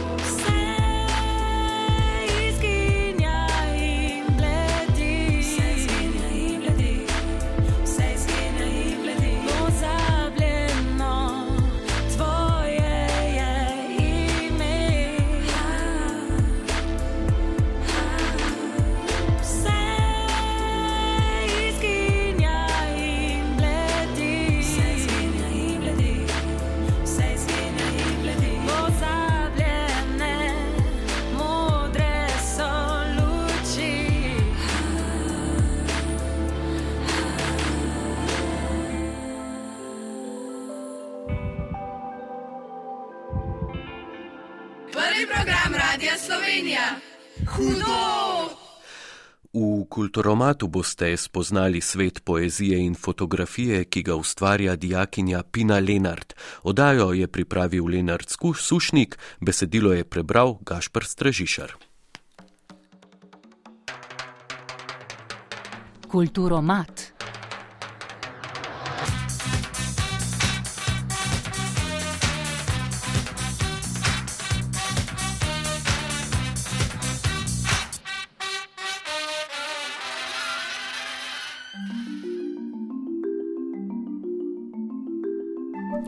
Naša sogovornica je 17-letna ustvarjalka Pina Lenart iz Kamnika. Obiskuje srednjo šolo za oblikovanje in fotografijo, rada ima večerne sprehode po dežju, luže in spontane izlete v neznane kraje. Predvsem pa rada piše in fotografira. Njene pesmi na natečaju Mlada Veronika že dve leti zapored zastopajo njeno srednjo šolo, s svojimi fotografijami pa je sodelovala pri dveh razstavah, tretja je v pripravi. Poleg tega fotografije objavlja na svojem profilu Instagram, ki deluje kot nekakšno okno v njen unikatni svet. Kar se tiče pesnanja, mislim, da ni bilo zares nobenih takih de, eh, zunanjih dejavnikov, oziroma je prišlo kar zelo iz mene. In sicer na začetku, predvsem ob raznih um, stresnih dogodkih, stresnih situacijah, ko sem se spopadla z njimi torej na, na tak način, da sem jih zapisala. Tako da vsaj prve pesmi so bile kar dobeseden popis dogodkov v verzih. Kar se tiče fotografije, pa ne morem reči, da sem imela od nekdaj željo ali pa karkoli tasga, ker je tudi prišlo zelo slučajno, ko sem dobila v roke en fotoaparat in sem si ga začela sposojati. Pol sem imela enega v stalni izposoji in kar naenkrat sem se znašla tukaj, kjer sem in mi fotografija trenutno pomeni kar ogromno. Pina je torej razpeta med pisanjem in fotografijo, a vendar kako in kje se ti dve veji umetnosti za njo razlikujeta? Razlikujeta se predvsem po načinu nastanka, če lahko rečem. Torej, fotografijo delam takrat, ko, um, ko je vse v redu. takrat, ko želim nekaj prikazati, pa torej gre lahko torej za, ali za dokumentacijo, ali pa za pač čist umetniško zadevo, no, kukar se to da. Ampak sta to, torej dokumentacija pa um, umetniški izraz, sta pri fotografiji pri meni precej različna. Um, Medtem ko pri poeziji um, je to dvoje zelo zlito skupaj. Stvari, ki jih pišem, so v bistvu bolj za dušo, kot fotografija. Mislim, opažam, da se pri fotografiji še vedno bolj posvečam temu, kar mi je lepo.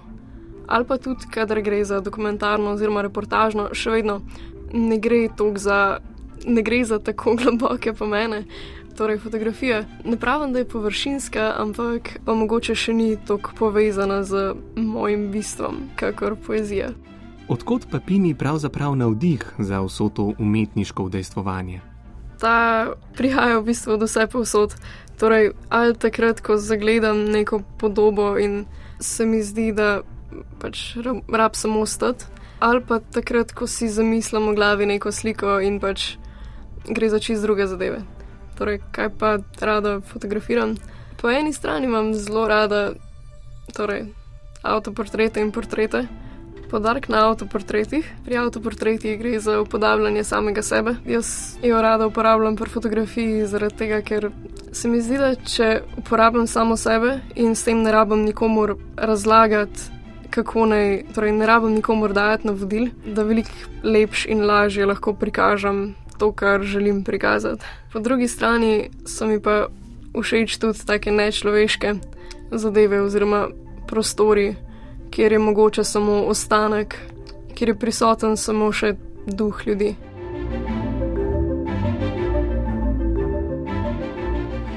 Pina že kar nekaj let deluje kot prostovoljka pri kamniškem glasbenem festivalu Camfest. Na njem fotografira koncerte, niso pa ji tuja niti fizično naporna upravila, kot je postavljanje odra. Koncertna fotografija, kot povsem svoja veja fotografije, gotovo prinaša določene posebnosti je kar svoja veja, torej zagotovo je drugač od torej, čistega umetniškega izraza in drugače od dokumentarne fotografije, torej ker nekako kombiniraš oboje, se mi zdi.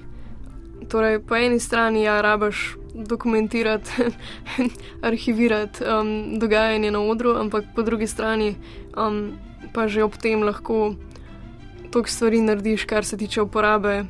Pa že brez uporabe kadriranja in torej kotov in izkoriščanja svetlobne situacije, v bistvu že samo to, da ne loviš nujno momentov, ko, um, ko frontman benda drži mikrofon in se dere v publiko, ampak da najdeš nek mal bolj mm, mogoče nežen um, trenutek, torej tak, ki običajno ni za to, da bi bil upodobljen. Meni se zdi, da, to, da je to tako lepa stvar, tudi koncertna fotografija. Kot vedo vsi, ki so se že znašli v središču hrupnega koncerta, so ti lahko včasih preognjeviti. Pino, ki se mora za najboljše fotografije prebiti v same prve vrste, pa divje množice pod odrom ne prestrašijo. Torej, jaz sem imela navado, že preden sem se začela kakorkoli ukvarjati tudi s koncertno fotografijo, ker um, zauzet prve vrste. Absolutna zagovornica plesa naravnost pod odrom. Torej, edina razlika, um, torej, pri tem skačem pod odrom brez ali s kamero, je, da rabim biti malo bolj previdna, um, da pač ne polijem kamere. Umetnost, tako kot prve vrste, pogosto zahteva pogum. Ampak ali je pogum tisti, ki največ pripomore k najboljšim ustvarjalnim momentom, kako nastajajo pinina najboljša dela in kaj je tisti ključen dejavnik? Pri recimo najboljših delih je, da niso samo čustvena, ampak da so estetska. um, in torej, takrat, ko prej premislim zadeve, se mi zdi, da, lahko, da je bolj zaradi tega, ker je pač bolj premišljeno vse skupaj. Um, ker takrat, ko se pa vse zgodi samo v trenutku, pa če moram priznati, da mi je včasih žal, da si nisem vzela malo več časa, torej da sem samo hotela na hitro spraviti stvari iz sebe, um, torej na takšen ali drugačen način, in da nisem dejansko premislila zadeve, ki bi sicer lahko imela potencial za pač kaj boljšega. Kot smo že omenili, Pina prihaja iz Kamnika. Kakšna je ta mladinska kulturna scena? Je bilo težko najti aktivnosti, ki jo zanimajo? Torej, kakor sem že omenila, um, Fotoklub Kamnik in pa festival Kamfest, bi rekla, da se torej sploh v Kamniku naša lokalna skupnost, torej predvsem iz rahlo alter scene, um, kar povezuje. In da v bistvu, če imaš neko željo delati, torej ustvarjati, da se tam sploh ne moreš temu izogniti, zaradi tega, ker ali ti najdeš ljudi, ali bojo pa ljudje našli tebe um, in si kar naenkrat izpostavljen vsem, ki že počnejo podobne ali pa malo manj podobne zadeve, kar ima absolutno dober vpliv na umetniški razvoj mladega človeka, se mi zdi. Kakšni pa so njeni načrti za prihodnost? Moji plani za prihodnost. Um, po eni strani so zabetonirani že par let, po drugi strani se pa kar naprej spreminjajo. Torej, če govorimo o akademskih poteh, prva stvar je končati srednjo šolo. um, druga stvar je, da sem ugotovila, da bi čist zares šla študirati dalje fotografijo ali pa video, oziroma torej nekaj v tej smeri, o čemer še dve leti nazaj nisem bila prepričana, niti približen. torej, zdaj pa vidim, da je to tako moja stvar, da jo želim nadaljevati. Pol pa kaj naj rečem, um, kupiti kombi, pa ga spremeniti v prostor za življenje in iti okrog sveta. Tako. Pini želimo še veliko uspehov na nadaljni ustvarjalni poti, mi pa za konec prisluhnimo pesmi Ljubim, ki jo je za kulturomat prebrala Eva Longika Marušič.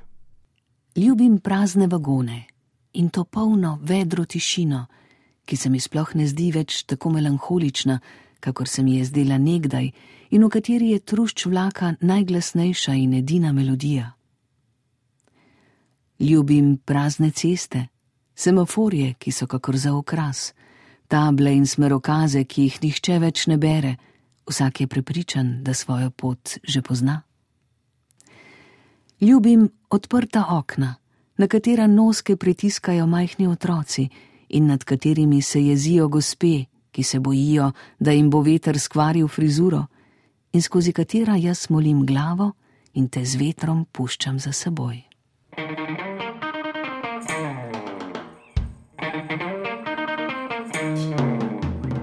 Bodi kul, cool, bodi kulturen, poslušaj kulturo mat.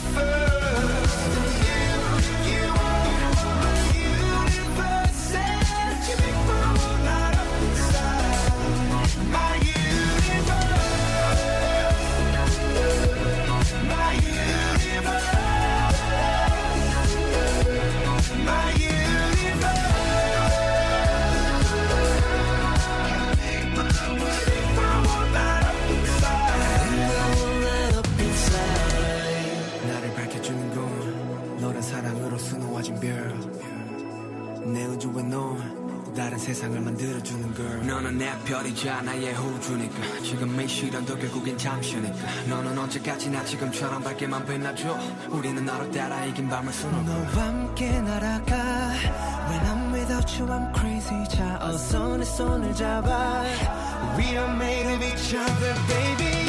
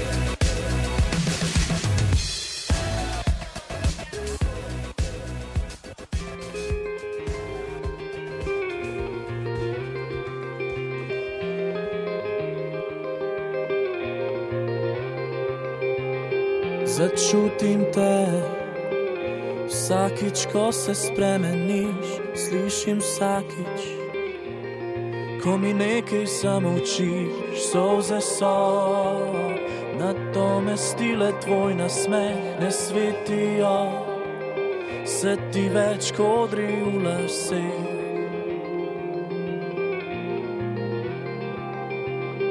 Ne spiva mirno, odkar me tuli so odšli, čakava tiho. da se nekaj dogodi. Plavajo sanje, nosijo ure na ine, naj mi jih vrne, ta ki jih ukradel je. Za roko te držim, a se ne dotikava. Utapljajo se oči, a ne jokava. Za roko te držim, a se ne dotikava.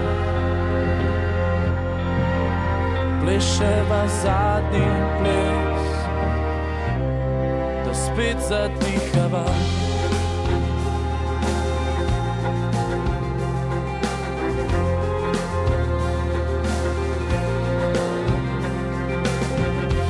Prepih v temi, počiva v moji posteli, ko me objame. Se mi v glavi zavrti, obrnem se na tvojo stran, a komaj vidim tvojo bris z moje obleke. Se izgubil je tvoj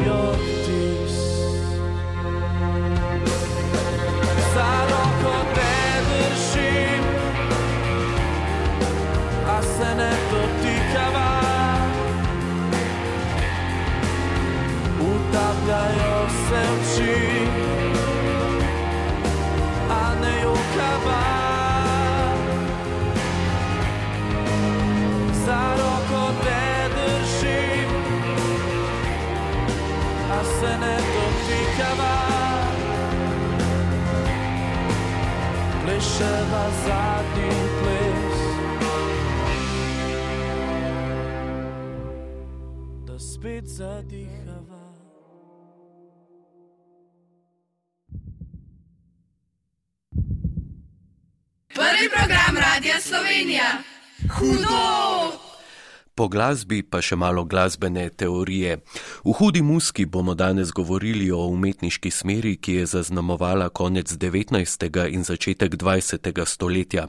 To je impresionizem. Bogate zvočne barve in poustvarjanje vtisa narave sta le dve glavni značilnosti tega obdobja. Več pa izveste v nadaljevanju. Hudo musko je pripravila Tina Žun, bral je Andrej Prezel.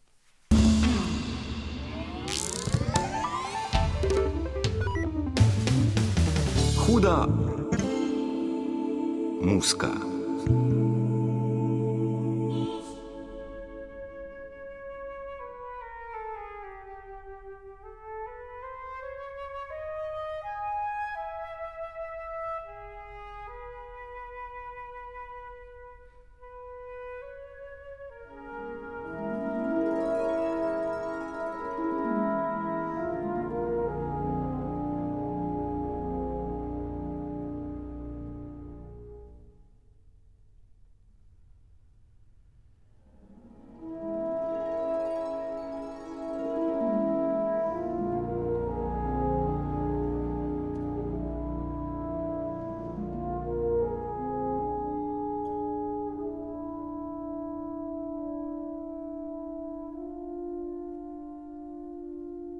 Impresionizem je umetniški slog, ki je nastal ob prelomu iz 19. v 20. stoletje po obdobju romantike.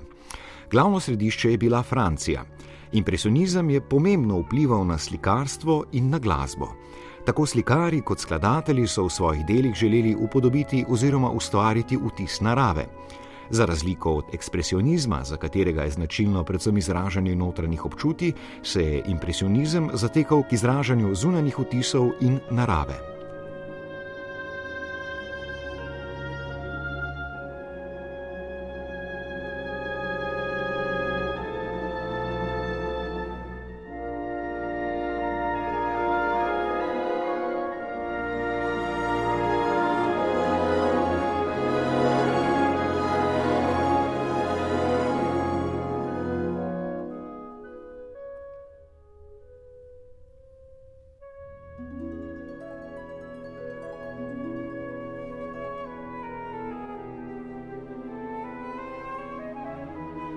Glasbeno področje, kjer je impresionizem močno spremenil zvočni svet, je instrumentacija.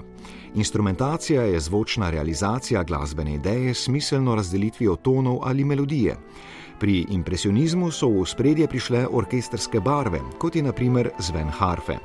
To glasbilo lahko z igranjem glisandov pričara veter, šumenje valov, žuborenje potokov in šelestenje listja.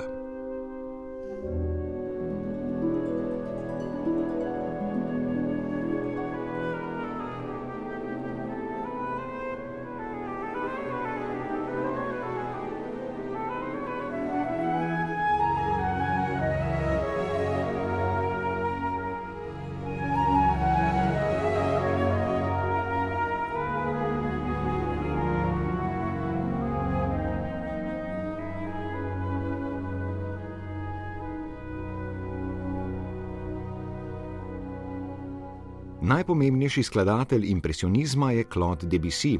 Ker je bil prvi impresionistični skladatelj, je umetniške spodbude iskal med literati in slikari, ki so s svojimi vizijami močno vplivali na njegovo razumevanje glasbe. Debussy se je v svoji glasbi tudi kar precej naslanjal na indonezijsko kulturo, predvsem na glasbo iz otokov Java in Bali.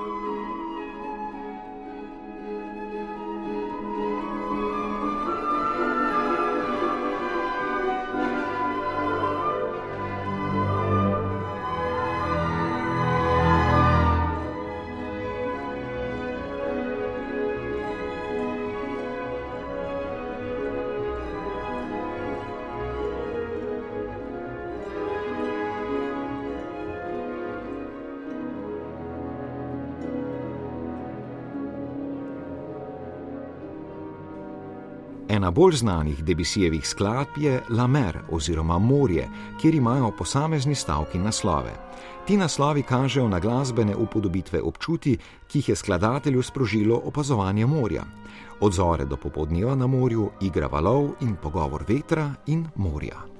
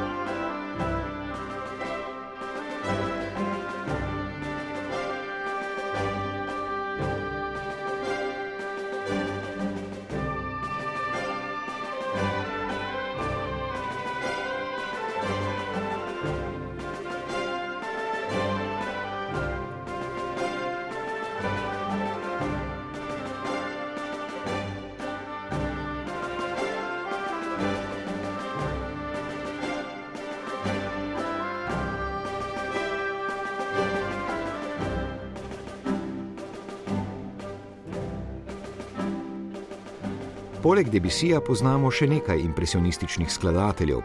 To so Maurice Ravel, Manuel de Fala, Igor Stravinski, od slovenskih pa Lucijan Marija Škrjanc, Janko Ravnik, Emil Adamič, Anton Lajovic in Demetri Žebre.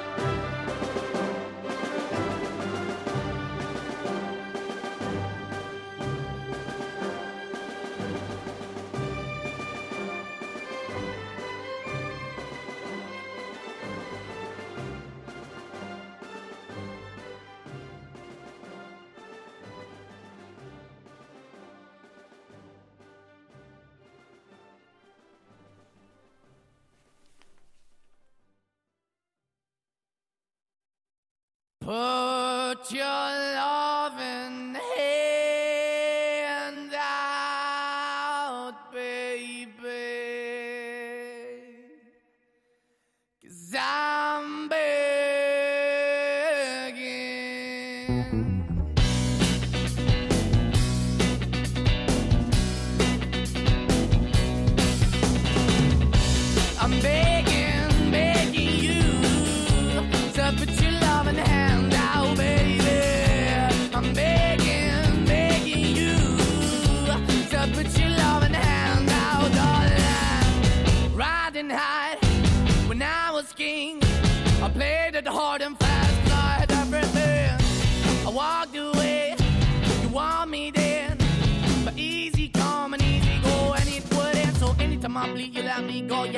Yeah, feet, you got me. No, anytime I see, you let me know. But the plan and see, just let me go. I'm on my knees when I'm begging, cause I don't wanna lose you.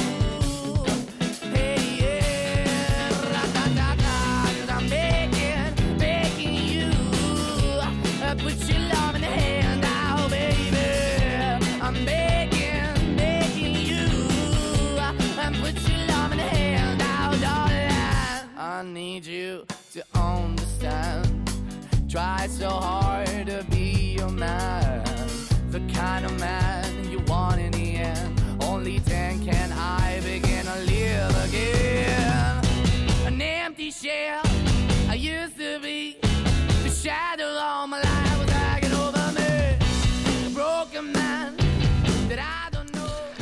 glasbo smo prispeli do konca našega današnjega druženja.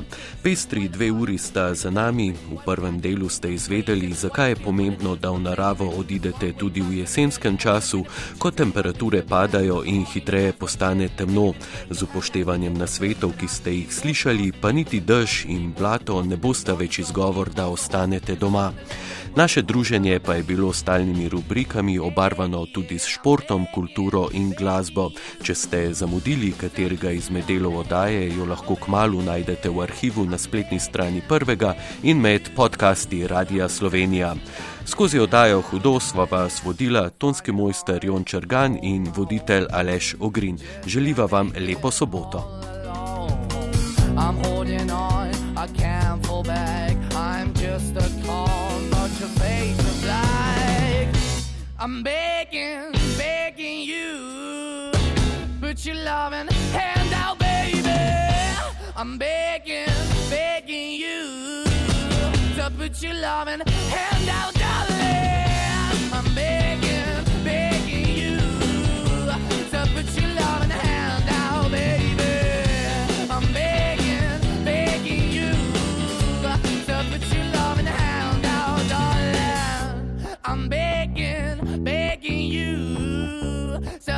loving hand out, baby. I'm begging, begging you to put your loving hand out.